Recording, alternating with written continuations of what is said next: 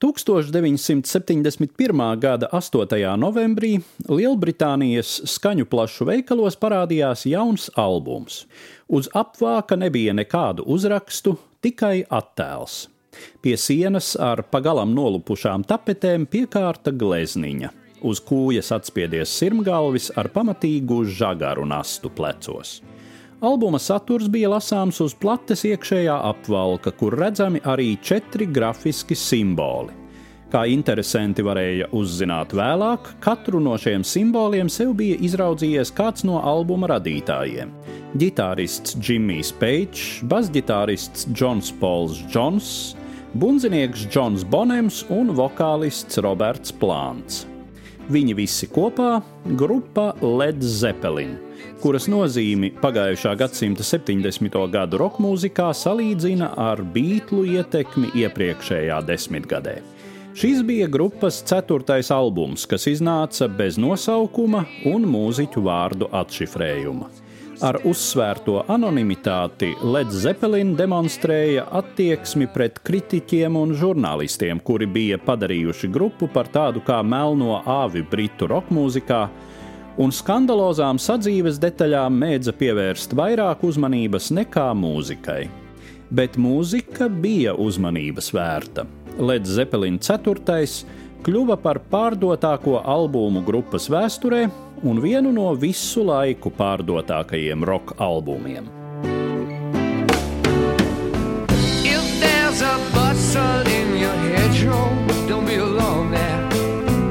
It's just a sprinkling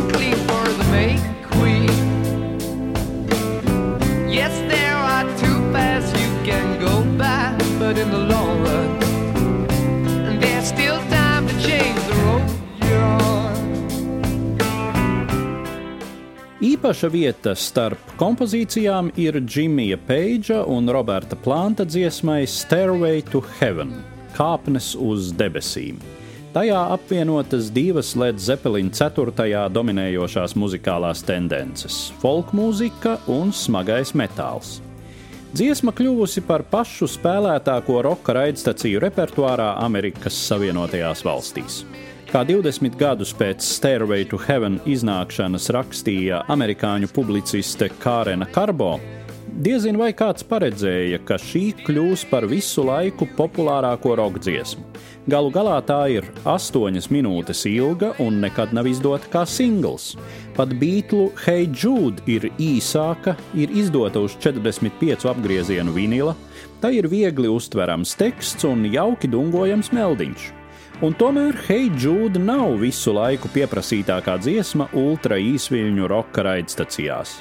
Hey Jude tēmu neizmanto reklāmas klipu aizkadriem, to nespēlē vienā laidā gan kāzās, gan bērēs bet Stairway spēlē.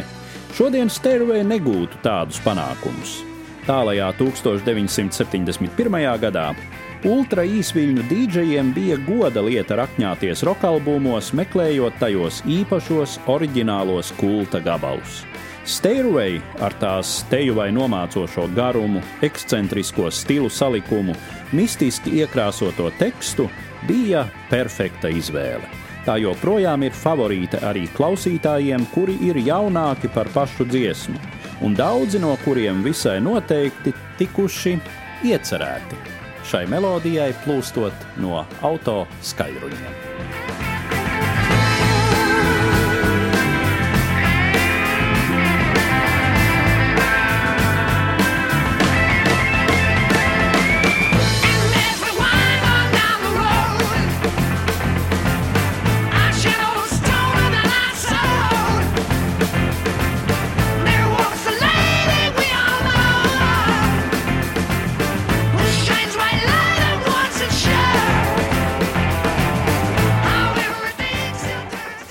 Stāstīja Eduards Liniņš.